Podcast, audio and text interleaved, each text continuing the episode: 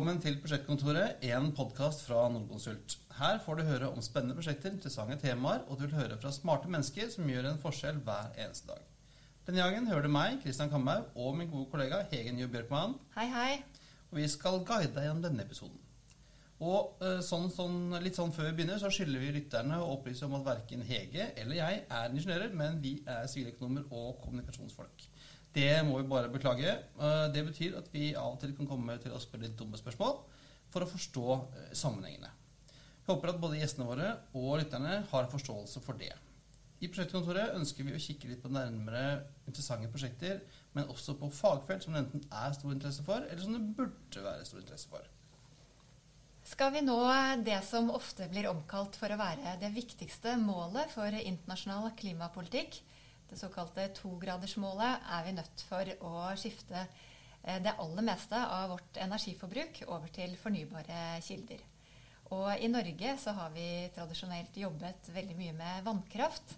Og de siste årene har eh, vindkraft også vært skal vi si, mye i vinden, i hvert fall i media. Eh, men så har vi hørt relativt mye mindre om solenergi. I Norconsult så har vi et eget team som jobber med solenergi. Og vi er så heldige å ha fått to av dem med oss i dag. Alice Gjelbrekke og Mari Laulå. Velkommen til prosjektkontoret. Alice, vil du introdusere deg selv for lytterne våre? Ja, takk for at uh, vi fikk komme. Jeg heter Alice. Jeg har studert i Ås på NMBU på en linje som heter miljøfysikk og fornybar energi.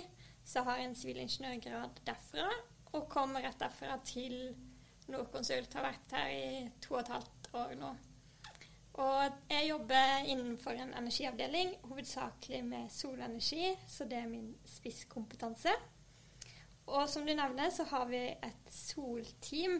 Vi er egentlig en, et tverrfaglig team med litt ulike fagbakgrunner både fra fysikk, men òg fra elektro. Og vi har spisskompetanse på solressurs, som er veldig spennende innenfor dette temaet. Eh, og vi er egentlig ja, vi er en gruppe som jobber Kjernegruppa i det teamet jobber med prosjektering ulike, på ulike nivå innenfor solenergi. Men så jobber vi òg, eller har en slags ressursgruppe, eller vi har ressurspersoner fra andre relevante fag internt som vi og samarbeide tett med f.eks. arkitektmiljøet, eller innenfor bygg, eller brannsikkerhet og alt som berører når solenergi blir involvert i et prosjekt, egentlig. Ja, så det er en, eh, begynner å bli en gjeng som er interessert i temaet, og det er alltid mye positive vibes, hvis vi skal si det, når vi jobber De som er interessert i temaet, i hvert fall. Ja, og det er i hvert fall du, Mari. Vil du også si litt om deg selv? Ja, det kan jeg gjøre. Eh, jeg heter Mari, og jeg er en trønder som har forvilla meg sørover da jeg fikk jobbtilbud i Norconsult. Her har jeg vært i tre år nå. Eh, jeg har en bakgrunn fra NTNU, der jeg studerte energi og miljø. Da jeg tok en spesialisering innenfor elektrisk energiteknikk, og var på et utvekslingsopphold i Italia som vakte denne interessen for solenergi. Eh, jeg så hvilke løsninger de måtte ta i bruk i et land som ikke har den vannkrafta som vi har her i Norge. Eh, I Norconsult så jobber jeg med elektrisk solenergi, eh, altså solcelleanlegg. Jeg jobber med batteri og den generelle hele bildet rundt nettilknytning av det vi kaller distribuert energiproduksjon. Ja, og det, Nå nevnte du et par, par, ting, for det er ganske mange ulike begreper rundt sol. Eh, vi må kanskje litt avklare de begrepene. Hva som ligger i, i solkraft og solenergi og solvarme og sånn. Ja, det er mange begreper. Og eh, inn i solenergi, så også kalt solkraft, så det er sånn fellesbetegnelse som går for både solvarme og solstrøm. Og veldig enkelt sagt så kan man eh, bruke den solenergien som vi får innstrålt hver eneste dag eh, fra sola, til å produsere enten varme eller strøm. Og når vi produserer varme, så gjør vi det ved hjelp av solfangere. Og da heter det solvarme. Mens når vi produserer strøm, så er det ved hjelp av solcelleanlegg. Og da får vi elektrisk strøm. Solvarme det er sånn typisk eh, i Syden hvor du har varmtvannstanken på taket og sånn, eller? Ja, Det er nok det der vi aller fleste har sett det. Det stemmer. Og så er det Innen her òg så kan du ha både små og store anlegg. Store sentral, sentraliserte parker innenfor egentlig både varme- og, og strømproduksjon. Men du kan òg ha disse små anleggene, en tank på et tak eller et solcellepanel på hytta, eller hva det skulle være. Så, men solenergi er samlebegrepet, og så er det to hovedkategorier. Det er de som produserer varme, og de som produserer strøm. Ja. Um, så er det jo sånn at vann og vind, det har vi jo mer enn nok av i Norge. Så derfor er det kanskje ikke så rart at disse typene fornybar energi har fått eh, mest oppmerksomhet. Eh, og Christian, du nevnte soloppvarmede varmtvannstanker i Syden. jeg vet ikke om jeg har sett så mye av det, men jeg har i hvert fall sett eh, masse bilder av kjempestore solparker i, i ørkener og, og den slags. Og, og det er nok mange som ville tro at solenergi ikke er så aktuelt i Norge. Eh, men så har jeg allikevel hørt at eh, solcellepaneler stortrives i kaldt vær. Eh, men fortsatt er det mørkt i Norge store deler av vinteren. Så kanskje dere kan si litt om hvilke, i hvilken grad Norge egentlig er egnet for eh, solenergi? Ja, eh, altså Norge er generelt godt egnet det, som de fleste andre land. Eh, for det første så trenger, trenger du egentlig ikke direkte sollys for å, for å produsere energi. På gråværsdager så vil det òg være en viss produksjon. Eh, sjekka, Vi har et eget lite anlegg på taket her på hovedkontoret. Så nå på en grå septembersdag tidlig på morgenen så var det allerede ca. en tredjedels produksjon sammenligna med maksproduksjonen. Så, så det er jo et viktig poeng. Mange kan tenke at vi har for dårlig vær, men det, det stemmer egentlig ikke. Eh, vi har òg, eh, som du er inne på, det gjelder særlig for strømproduksjon. Den teknologien fungerer faktisk bedre når det er kaldt. Eh, sånn at anlegg som ikke er dekt av snø, men som har det kalde klimaet rundt seg, der produserer mer energi.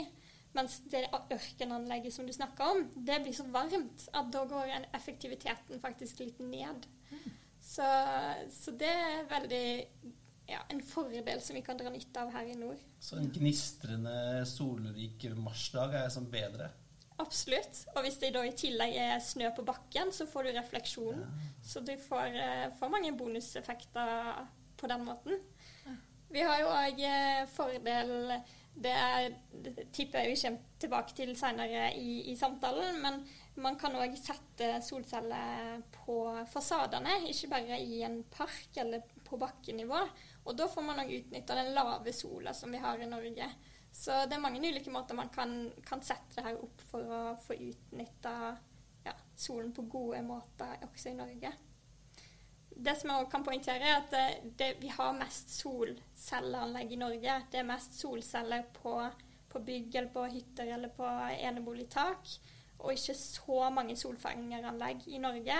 Det handler egentlig mest om det praktiske. Det er litt mer omfattende å koble termiske solfangere inn i et varmesystem. Mange har kanskje elektrisk oppvarming i huset og trenger ikke så store mengder varmt vann.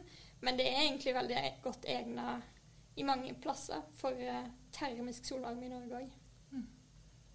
Uh, og når vi snakker om fornybar energi, så snakker vi mye om klimagevinsten av. Men er det egentlig noen klimagevinst med solceller i Norge, eller solstrøm i Norge, når vi har gullende ren uh, vannkraft?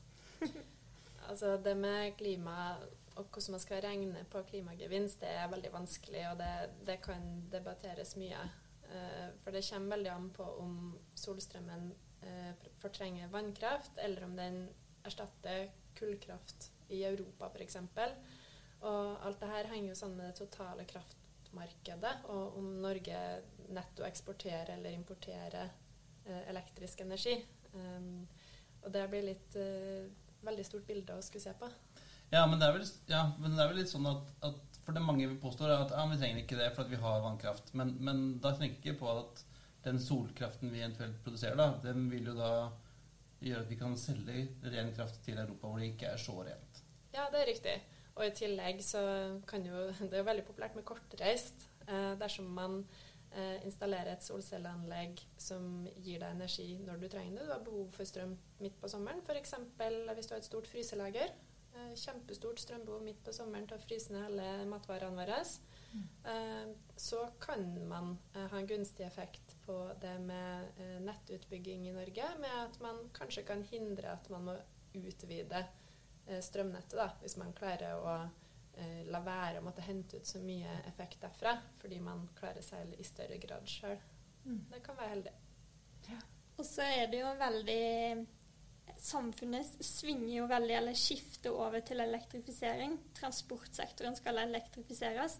Så vi vil jo få et større behov for elektrisk energi.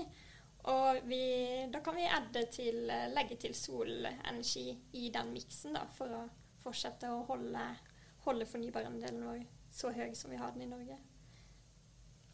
Ja, jeg tenkte også at vi må innom dette med, med utseende. Og rent sånn arkitektonisk så vil nok mange mene at solceller f.eks. på bygg ikke ser så veldig pent ut. og Kommer man nordover, så ser vi også bygg som er bygget veldig skjevt og høyt. Eh, Powerhouse har vært nevnt flere ganger eh, på Brattørkaia. Eh, men så er det skjedd veldig mye også med planlegging av bygg for at det skal se rett og slett litt mer elegant ut. Og, og folk venner seg kanskje litt mer til andre typer bygg også.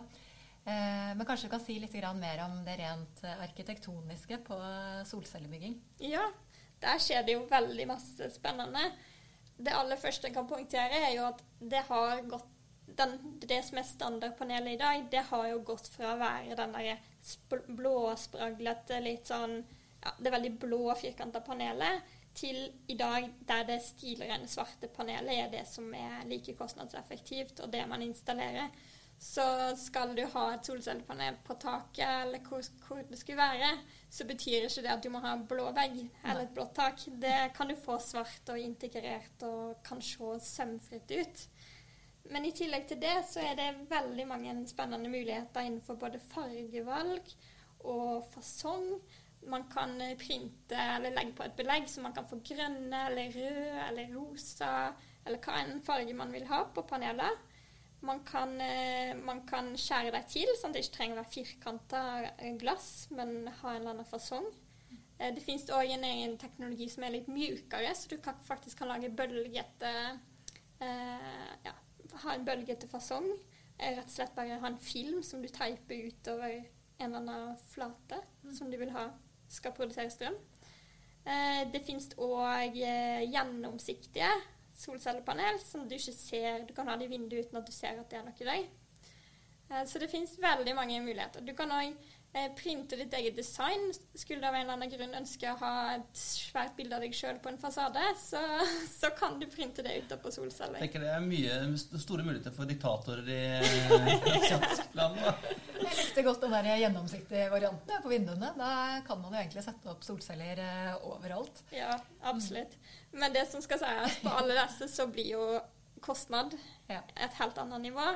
Eh, og, og, produksjonseffektivitet. Ja, Er de sorte mer effektive, rett og slett? De mm. sorte er de mest effektive. Og jo lysere farge, eller jo mer spesial Altså jo lysere farge, jo nærmere hvitt, jo dårligere produserer det. Og det solceller òg var for skyggepåvirkning, ulik solinnstråling. Eh, så skal man ha veldig mønstrete eller et bilde, da, så, så vil det òg påvirke produksjonen betydelig. Ja. Men det finnes muligheter, det er ikke det det går på. Ja, og prisene går vel kanskje ned etter hvert, og effektiviteten opp, så ja. det dukker nok opp mange fargesprakende solcellepaneler i fremtiden. Ja, og de, og de nye sorte er ganske fine. Jeg vurderer å ha det på taket. Ja, og det er jo interessant at um, Eh, at uh, jeg tror òg hva man syns er pent, endrer seg med generasjonene. Jeg hørte uh, var et eller annet møte, så var det noen som kommenterte at når eh, deres foreldre skulle bestemme seg for tak, så skulle det være sånn rød, det skulle være teglstein, det skulle være en viss type tak. Hvis ikke var det, var det, var det ikke pent. Mens ungdommen og barnebarna de ville ha disse svarte stilrene, gjerne solcelletak, og det var det peneste av alt. Så så, så, det kan jo endre seg på den måten òg. Og så må vi ikke ha det på taket heller. Nei, absolutt ikke. Og, Kanskje særlig i Norge? Absolutt. Som Alice sa tidligere, det her med eh, fasadene, det er en litt sånn nordisk eh, greie. At det er smart å henge opp solcellepanel på fasadene. Én ting er jo det at de vises, og vi har stadig flere kunder som ønsker at solcelleanleggene sine skal vises frem litt. Ja, For de skal se, de skal se bærekraftige ut, ja?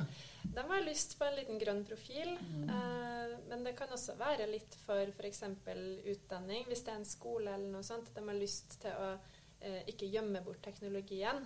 Eh, mm. det ser man jo i stadig større grad, ikke bare for sol, men at man har lyst til å vise frem teknologi mer eh, til brukere av et bygg. da. Um, og når det gjelder energiproduksjon, så kan jo solceller på fasade være kjempesmart. Uh, de blir ikke dekket av snø på vinteren når vi har det i store deler av landet. Og de er jo en mye bedre vinkel til å fange opp den uh, vinkelen sola har i vinterhalvåret her på de breddegradene våre. da. Slags, eh, du, snakket, du, nevnte litt om skoler. Hvem, hvilke andre typer prosjekter er dere jobber med uh, å, å, å prosjektere solanlegg? Ja, det det, det, er litt forskjellig, men vi jobber mye med nybygg som Særlig da nybygg som har, har ambisjonsnivå om eller annet, en eller annen spesiell sertifisering, f.eks. et plusshus eller en Bream eller nær nullenergi. Og der er solenergianlegg, og særlig solceller, ofte en veldig sentral bit. Da kan det være både skoler, men òg kontorbygg eller eller omsorgsbygg eh, og forskjellig. Lagre, som du nevnte også? Mm. Ja, riktig. Og når du eh, sier plusshus, da mener du bygg som produserer strøm, rett og slett? Mm, skal, da er det, det er litt ulike definisjonsnivå, men i korte trekk så er det at et bygg skal produsere mer energi enn det sjøl trenger. Ja. Mm. Men så jobber vi òg eh, Det er gjerne prosjekt som, som, er store prosjekt der sol inngår som en liten bit. Men så har vi òg en del prosjekt der, der vi er inne og gjør kun kun det ønsket om en spesifikk solvurdering. Eh, enten for eksisterende bygg eller nybygg. Ja, vi har jo sett noe, eh, særlig i vår som en del av korona, at vi så mange offentlige instanser som fikk eh, altså, grønne midler, litt sånn krisetiltak og motkonjunkturtiltak. Og da fikk vi en del forespørsler på, fra det offentlige på Hei, vi har fått de her pengene vi lurer på hvor vi skal plassere dem. Det eneste som er bestemt, er at det skal være solenergi. Så får vi f.eks. en liste med bygg, da. Og så skal vi eh, komme ut med en anbefaling på hvilke bygg de burde prioritere den eh, pengesekken sin på. Ja. Um, så har vi også en del sånn type konseptutredninger der det er en sånn veldig tidlig fase av prosjekt, der vi ser på det helhetlige energibildet for både termisk og elektrisk energiforsyning til det kan være både et bygg eller et svært utviklingsområde for en bydel. Eh, og da er ofte også sol inn i bildet som en del av den energikonseptet. Og, og, det skjer jo en, en, før, skjer en, en kjempeutvikling på teknologien også. Er det, er det litt frustrerende når dere jobber med et sånn langsiktig prosjekt, at, at det dere planlegger i dag, egentlig vil være utdatert innen prosjektet er ferdig? Ja. det, det, er utfordrende. Så vi, vi, vi, bruker tid på å holde oss oppdatert på hva er det som er i markedet akkurat nå, og hva, hva tror leverandøren at jeg leverer i morgen. Eh, og så må vi egentlig bruke bare ja, se litt på historisk utvikling og være hele tiden oppdatert på hva som er nå. Hva er det beste, mest effektive panelet som blir solgt akkurat nå, f.eks. Og, og bruke den informasjonen til å prøve å, å se for seg hva det blir innen det prosjektet skal stå ferdig. da. Så har du jo sånne idioter som jeg og meg, sånne, sånne, økonomer som kommer med nåverdiberegninger og så sier vi at nei, dette her kan vi jo ikke regne igjen på, på den uh, investeringshorisonten vi har. Men så vet jo dere da at, at, det vil være mye mer lønnsomt på sikt for at du har en, en ny teknologi når dette bygget er ferdig. Ja, ja altså et solcelleanlegg har jo en levetid på ca. 30 år. Og de fleste produsenter leverer en sånn uh, garanti for at anlegget vil yte så og så bra, ofte over 80 av uh, ny kapasitet når levetida er ferdig. Um, og her i fjor så var det jo en, uh, en mann i Norge her som tapte en del penger på å gjette på strømprisen noen år fram i tid. Og hvis du skal gjøre en, en riktig nåverdiberegning, så må du jo i prinsippet gjette rett på strømprisen de neste 30 årene. Så det sier seg jo sjøl at sånn Eh, det er en del usikkerheter. Eh, det eneste du vet eh, som er helt sikkert når du kjøper et solcelleanlegg, er jo det at du vet hva prisen du betaler er. Og da kan du regne ut hva du, basert på hva du forventer at solcelleanlegget vil produsere av energi, så vet du i hvert fall Det er som å kjøpe, gå inn på fastrenteavtale. Du vet hva du vil betale for strømmen eh, de neste 30 årene. Eh, så du kan jo si at du kjøper deg bort fra usikkerheten i markedet. Og så er det vel sånn du sier at, at de har regnet med en levetid på 30 år, men vi vet ikke om De tror vel at den er enda lenger enn det? Ja, vi tror det. Eh, og som sagt, det er den garantien på at det vil yte minst 80% f.eks. Eh, men det er jo relativt ny teknologi, og vi har ikke så mange anlegg som har stått i 30 år. Og når vi hele tida installerer en ny type teknologi, så må du jo vente nye 30 år for å se hvordan den da vil yte. Eh, men av de få anleggene der man har, begynner å ha en del driftsår, så ser man jo at de yter bedre enn det man hadde antatt. Eh, så det kan nok hende at man heller ser at levetida til et solcelleanlegg vil bli begrensa av kanskje at taket det står på må rehabiliteres. Ja, Huset det detter ned før liksom, sosialanlegget er ferdig? Ja, I hvert fall at du får lyst til å kanskje bytte det. Men, og nå snakker jeg jo hovedsakelig om på en måte det volumet eh, og større anlegg. Altså, mm. Man begynte jo med solcellene på hytter mm. på 80-tallet, før jeg var født i hvert fall. mm. så, så, der ser man jo at det har holdt lenge. Og den, som vi snakka om, utviklingen går så raskt. Så den teknologien i dag, paneler i dag, er veldig mye bedre enn de som ble installert på 80-tallet. Som fremdeles virker. Som fremdeles virker. Ja, disse her blå, litt spesielle mm. hytte-solcelleanleggene. Mm. Men um, all kraftproduksjon, også fornybar, har jo også noen ulemper. Og, og vannkraft vil som oftest bety eh, litt sånn oppdemmede vassdrag. Og vindkraft tar beslag på store arealer, og mange mener at vindmøllene både er eh, stygge og bråker fælt. Men eh, er det ingen ulemper med solenergi? Hva er liksom solenergiens svarte bakside? Det er jo ikke en sånn veldig tydelig svart bakside, men man har en del usikkerheter eh, i en sånn her ganske ny type teknologi. Og en av dem er jo f.eks. resirkulering. Eh, som nevnt så er det jo ikke så mange større anlegg som har eh, kommet så langt i livsløpet sitt at det er på tide å uh, ta det ned og finne ut hvor man skal gjøre det videre. Og der uh, er det ikke veldig gode prosesser definert akkurat nå, men det er et stort fokus i bransjen. Så man kan jo Forhåpninga er at når man kommer dit, så begynner man å ha noen gode prosesser på plass. da. Um, ellers er det jo sånn at kanskje den også største usikkerheten går på det her med råvarene. Uh, den liksom, råvaren som i solcelleanlegg krever, er jo silisium. Det er det som er de her svarte cellene som man ser, som før var blå. Ja. Um, og det er veldig kraftkrevende uh, produksjon å lage selve silisiumen. Og um, dersom den er produsert et sted der de ikke har så ren strøm, f.eks.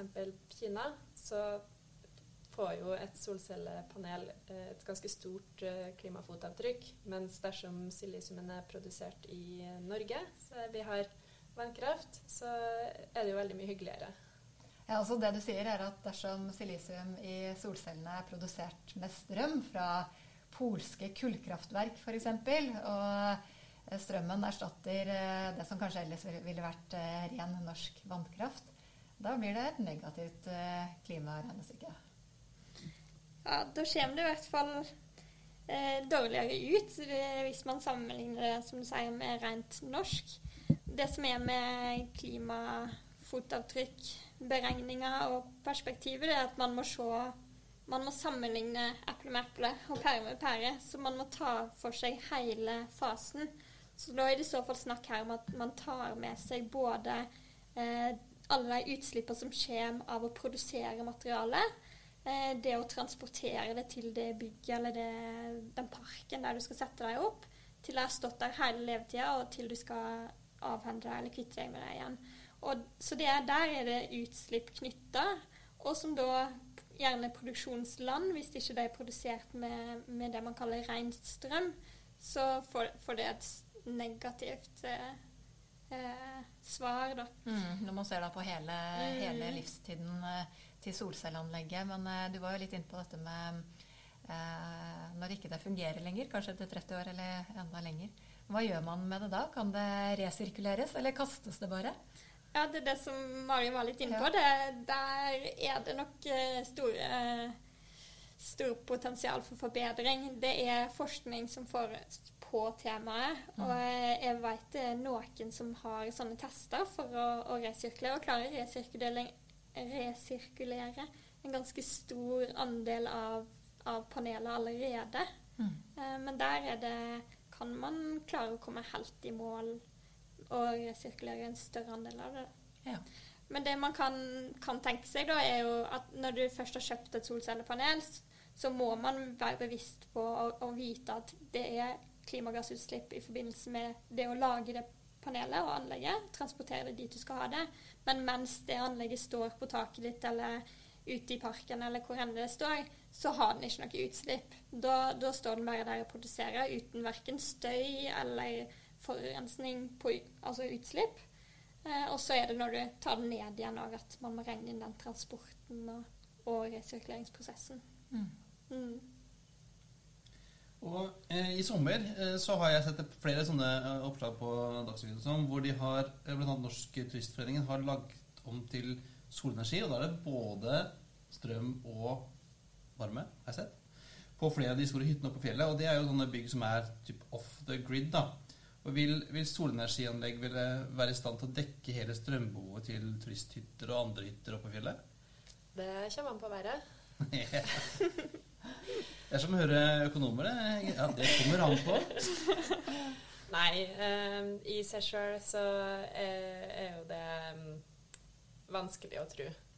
Men eh, dersom det må kombineres med et eller annet lager eh, altså For solvarme kombineres med en akkumulatortank der du samler opp varmevannet ditt til du har behov for det. Det er ikke så mange som dusjer liksom midt på formiddagen på en turistforeningshytte. Så hvis du samler opp varmen til eh, når alle sammen kommer inn før middagen, så kan det være muligheter.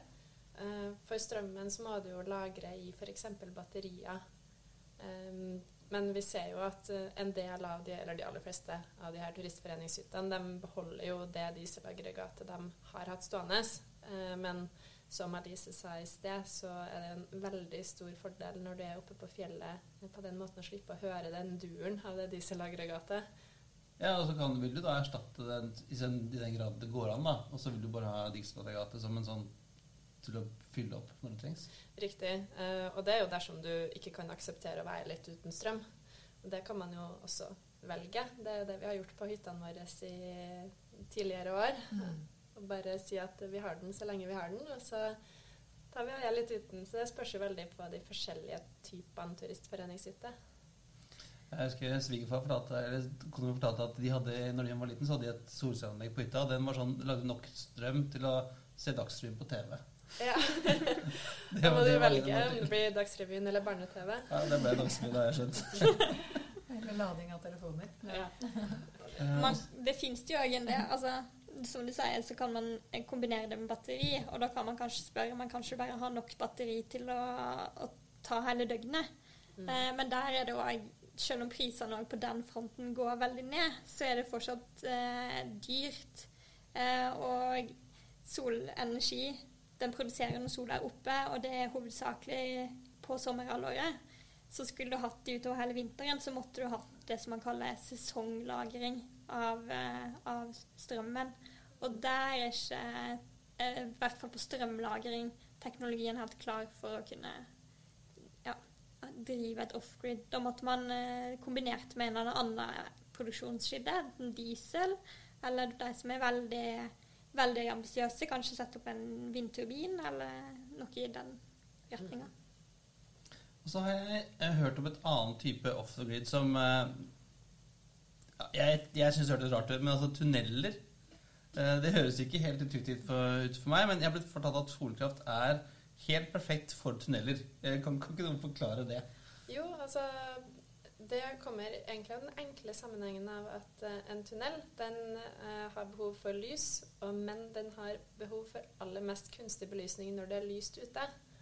Pga. at uh, vi ikke skal bli blenda, eller at øynene våre skal slippe å måtte gjøre den kraftige tilpasninga til mørkt inne i tunnelen når det er veldig lyst ute, så står tunnelbelysninga i inn- og utgangen av tunnelen de står på maks når det er som lysest ute.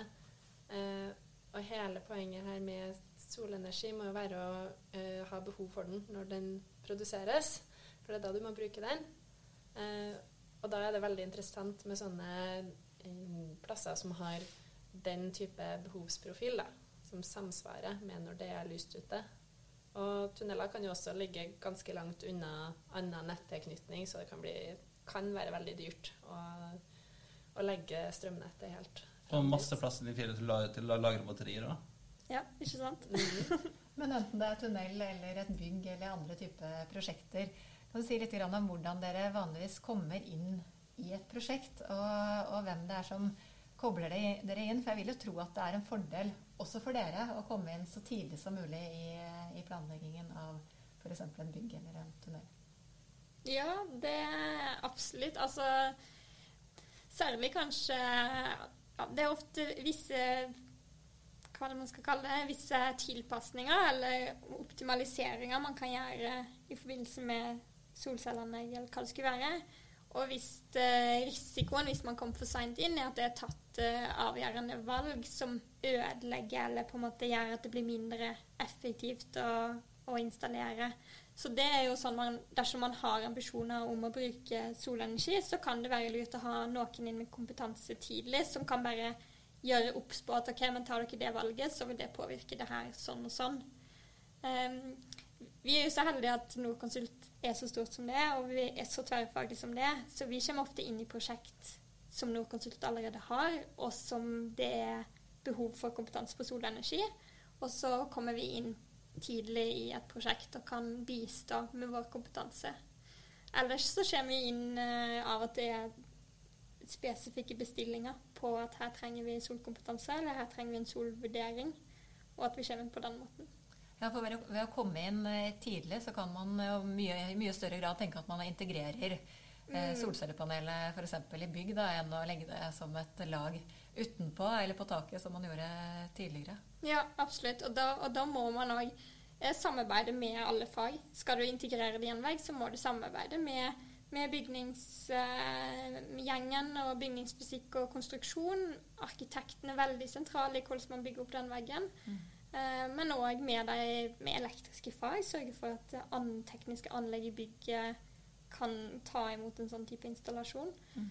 Så, så, ved å komme inn tidlig, så kan man òg sette i gang alle de ballene og trådene og, og, plukke opp ok, men det her må vi huske på i det her faget, og det her må dette faget huske på. Mm. Så, er det ofte dere ser at uh, en kunde har uh, en visjon for bygget? At man vil ha et helt spesielt uh, grønt bygg? Du nevnte eksempelvis ja, det kan være en barneskole eller hva enn det skal være, at man vil ha en grønn profil.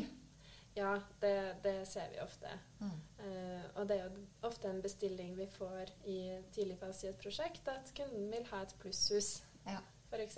Og da er det jo opp til den tverrfaglige rådgivergruppa å klare å få til det.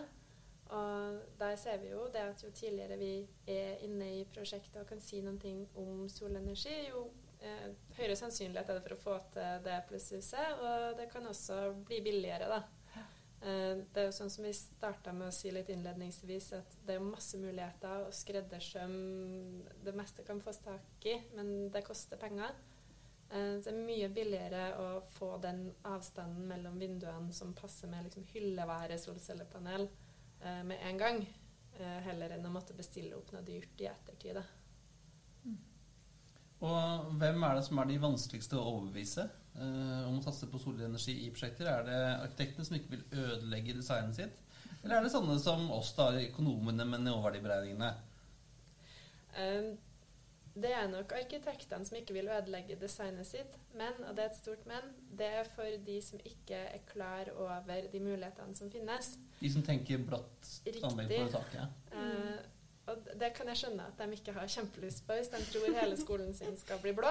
Eh, men tvert man viser frem de mulighetene som eh, finnes i markedet, eh, så får de fleste arkitektene fart i fingrene og begynner å lage en ny løsning der de tar det med inn i designet sitt. Og det, det er veldig gøy når arkitekten blir veldig på lag, for de er jo vant til De klarer jo å sant, få gjennom å overbevise økonomene om at man skal bygge en hel opera i marmor. Um, ja, det var noen som uh, Ja. uh, så da en arkitekt uh, pleier å være en veldig god medhjelper å ha med på laget dersom man skal klare å få gjennom en litt mer sånn stilig solenergiløsning. da. Ikke bare det her vanlige svarte billige. Ja. ja. jeg kjenner i hvert fall selv at selv om jeg er økonom av bakgrunn, så er jeg blitt inspirert til å både lære mer og, og følge mer med på solenergibransjen. Så med det så sier vi tusen takk for at uh, dere kom. Takk for oss. Takk for at vi fikk komme. Det var alt for uh, denne gang. Hvis du vil vite mer om Norconsult, hva vi driver med, hvilke spennende prosjekter vi jobber på, sjekk ut norconsult.no. I dag hørte du Alice Gjelbrekke og Mari Lauglo, Kristian Kamhaug og meg, Hegen Jå Bjørkmann. Musikken er som alltid ved Thomas Vøni, akustiker i Norconsult. Om du har spørsmål eller kommentarer til podden eller innspill til fremtidige temaer, sender du oss ganske enkelt en e-post til podkastalfakrøll.norconsult.com, og det er podkast med C. Ikke glem å abonnere på Prosjektkontoret i iTunes eller i din foretrukne podkastspiller så får du alltid den nyeste episoden rett i spilleren din. Tusen takk for denne gang. Ha det bra. Ha det bra. Ha det. Ha det.